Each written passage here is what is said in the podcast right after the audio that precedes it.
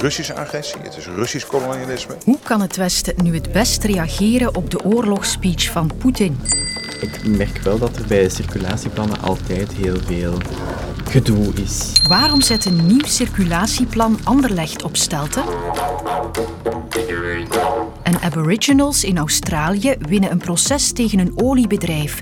Hoe belangrijk is die overwinning voor hen? Wat eigenlijk alle Aborigines uh, met elkaar verenigt, is het belang dat zij hechten aan hun uh, land. Dat zijn de ingrediënten van het kwartier vandaag. Ik ben Sophie van der Donkt. Welkom.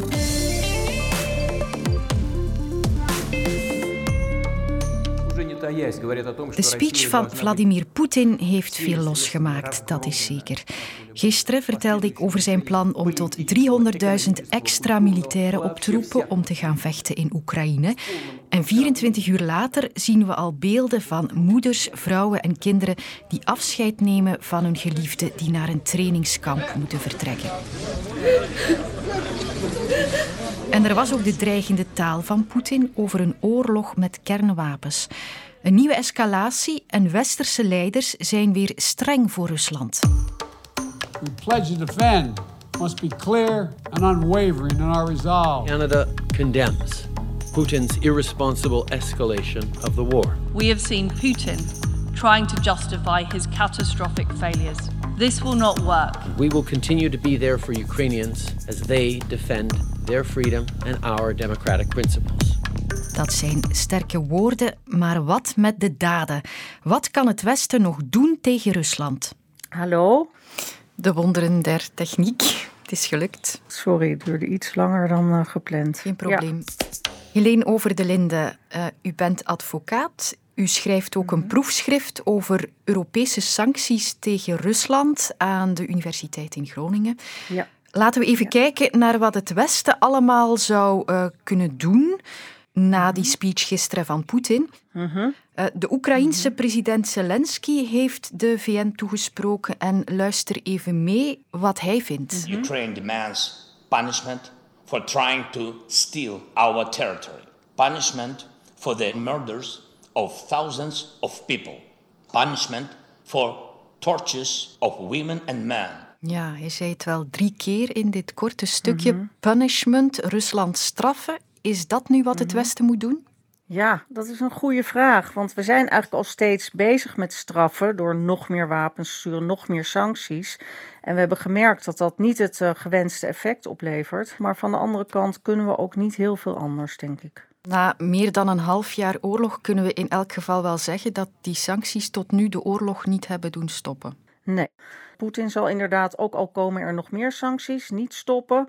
Dat was eigenlijk vanaf het begin wel al duidelijk, omdat Oekraïne is voor hem zo'n belangrijk iets. Dit is zo'n principiële oorlog en belangrijker dan de oorlog tegen Oekraïne kun je je eigenlijk niet voorstellen. Dus wat je ook doet, hij zal tot de laatste snik doorgaan. Maar toch ben ik van mening dat sancties heel belangrijk zijn, omdat Anders is het, ja, we stonden erbij, we keken ernaar, we deden niks. Als u zegt sancties blijven zeker nodig, aan wat voor mhm. sancties denkt u dan? Ja, ik denk uh, vooral aan intensiveren. Alles wat er nu is, kan nog uitgebreid worden met nog meer oligarchen, rijke Russen op de lijst, nog meer bedrijven. In plaats van een aantal banken, alle banken op de sanctielijst, nog meer producten qua import-export. Dat zijn de mogelijkheden. En de extreemste versie is natuurlijk het hele land in de band doen. Dus een complete boycott, zoals ook met Noord-Korea, dat alle banden worden uh, afgesneden. Maar ja, dan uh, raken we onszelf natuurlijk ook nog meer, omdat Rusland ook het land is van de grondstoffen. En wij zelf nog steeds uh, ook allerlei grondstoffen uit Rusland nodig hebben en importeren. Dan leg ik nog een meer gematigde stem aan u voor, die van onze premier Alexander De Croo. Ik denk dat wij met de nodige rust moeten uh, reageren. Als iemand dreigt, dan moet je niet nog bijkomend olie op het vuur doen. Ja, dat vind ik zeker iets wat we moeten proberen. Want ik ben zelf eigenlijk ook helemaal niet voor steeds meer, meer sancties. Maar we zitten nu gewoon in deze spiraal van actie is reactie. En we willen iets gewoon bereiken. En dat is dat Poetin stopt. Maar goed, het is nu inderdaad olie op het vuur. Maar van de andere kant, overleg op dit moment of een compromis bereiken is gewoon absoluut niet aan de orde, hoe vervelend en hoe jammer dat ook is. Ik denk dat we dan inderdaad toch maar verder moeten met nog meer uh, de druk op de ketel houden, met nog meer sancties, nog meer wapens. Maar daar wil ik dan wel aan toevoegen dat eigenlijk nu het enige middel wat nog zou kunnen werken is dat de Russen massaal de straat op gaan, zoals ze gisteravond al enigszins hebben laten zien met een paar duizend demonstranten. En inderdaad moeders die zeggen dit is echt te erg voor woorden, onze zonen die gaan naar het front. Waar doen we dit voor? Stop ermee. Dat is mijn hoop eigenlijk, dat de ordentroepen in Moskou op een gegeven moment minder gaan handhaven. Of ook denken, dit, dit gaat te ver, dit is vreselijk. Laten we stoppen met uh, oppakken en handhaven en dat men massaal de straat op kan. En dat er dan inderdaad een uh, regime change of verandering gaat komen. Ja, al bij al is het nu nog kleinschalig dat protest tegen Poetin. Bedankt voor uw inzichten, Helene Over de Linde. Ja, graag gedaan. Ja. Ik reed terug van het uh, Zuidstation naar huis en ik passeerde langs, uh, langs Kuregem. En ik reed uh, een straat in, de Moroostraat. En ik reed op, het, op de fietsstrook. Um, en daar stond een, een betonblok, maar ik heb hem niet gezien. Je hoort Brussels parlementslid voor Groen Juan Benjumea, die net buiten de wijk Kuregem in Anderlecht woont. En in die wijk zien ze het nieuwe circulatieplan niet zitten. Het plan dat bepaalt waar je wel en vooral niet meer mag rijden. Tegenstanders hebben er betonblokken verplaatst. Het was net achter de bocht, het was een beetje donker en uh, er frontaal op ingereden. Dan van de fiets als het ware gecatapulteerd op, het, op de betonblok. Ja, en dan zijn er nog wat mensen komen kijken. Uh, gelukkig had ik niet al te veel schade, gewoon een, een spierblessure en wat wonden aan mijn, aan mijn neus, aan mijn gezicht, aan mijn benen en een stukje tand eraf. Maar dat had veel erger kunnen zijn. Woonde vroeger in Kuregem, lang gewoond. Uh, dan kort geleden aan de andere kant van het kanaal, dus net over Kuregem verhuisd. En het was wel verschieten dat ja, de laatste weken zijn er een aantal mensen die de wijk een beetje terroriseren. Maar die gaan er wel echt ver in, uh, die mensen die zich uh, verzetten. Een van mijn buren heeft het gefilmd, hoe dat ze die blok verplaatst hebben. En dat is met een camionet en met touwen. Dus het is niet zomaar een paar gefrustreerde mensen die aan de kant duwen, maar er zit echt een hele operatie achter. Um, ja, en dan denk je, dit gaat echt te ver. Allee, van mij mocht je protesteren tegen elk plan van de overheid. Je mocht uh, het oneens zijn. Maar uh, zo ver gaan dat, dat je het leven van anderen in gevaar brengt, dat vind ik uh, er echt los over. Juan Benjumea is aan de betere hand, maar fietsen zit er de komende weken nog niet in. De actievoerders, zij ventileerden hun protest ook al tijdens een woelige gemeenteraad in Anderlecht.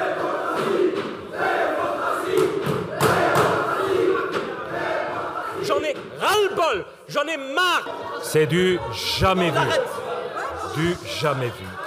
Cette commune est en train de devenir une république bananière.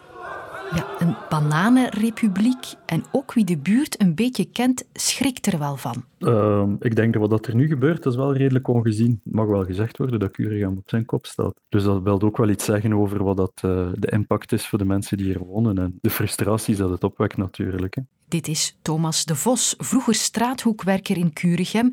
En daar woont hij nog altijd. Weet hij waarom mensen zo heftig reageren?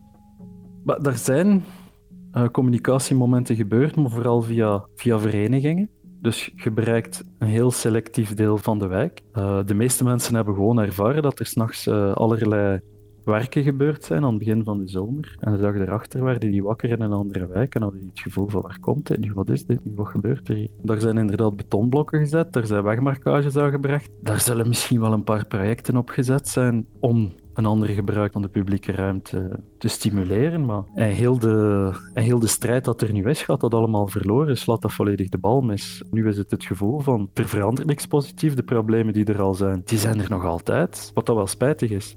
Want niet alle bewoners zijn tegen meer ruimte voor de kinderen om, om, om te spelen. En tegelijkertijd, uh, geraken mensen niet meer aan hun eigen huis, omdat zogezegd het sluipverkeer moet uh, gemeden worden. Maar de mensen hebben het gevoel dat ze zelf als sluipverkeer worden behandeld. De bestaande publieke ruimte, dus de parkjes dat er al zijn, die wordt niet voldoende onderhouden. Er zijn grote problemen van drugshandel in de wijk. Een sluikstortprobleem.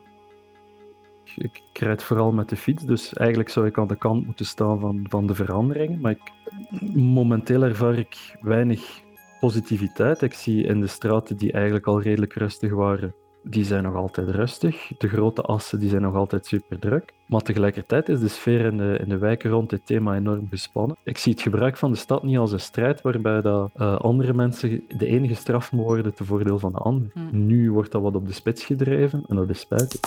En intussen zullen de betonblokken weggesleept worden. De PS-burgemeester van Anderlecht wil het circulatieplan schrappen en in samenspraak met de bewoners tot een nieuw plan komen.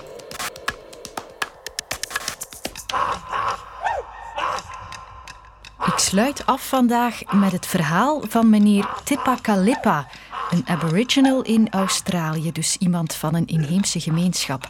Hij stapte naar de rechter tegen een oliegigant, Santos, en hij won die zaak in naam van zijn aboriginal gemeenschap als een David tegen Goliath. Mr. Tipakalipa has established that Nopsema was not lawfully satisfied. Oliemaatschappij Santos wilde boringen doen in zee, maar dat was pal in het leefgebied van de Tiwi-clans, waar ook meneer Tipakalipa bij hoort.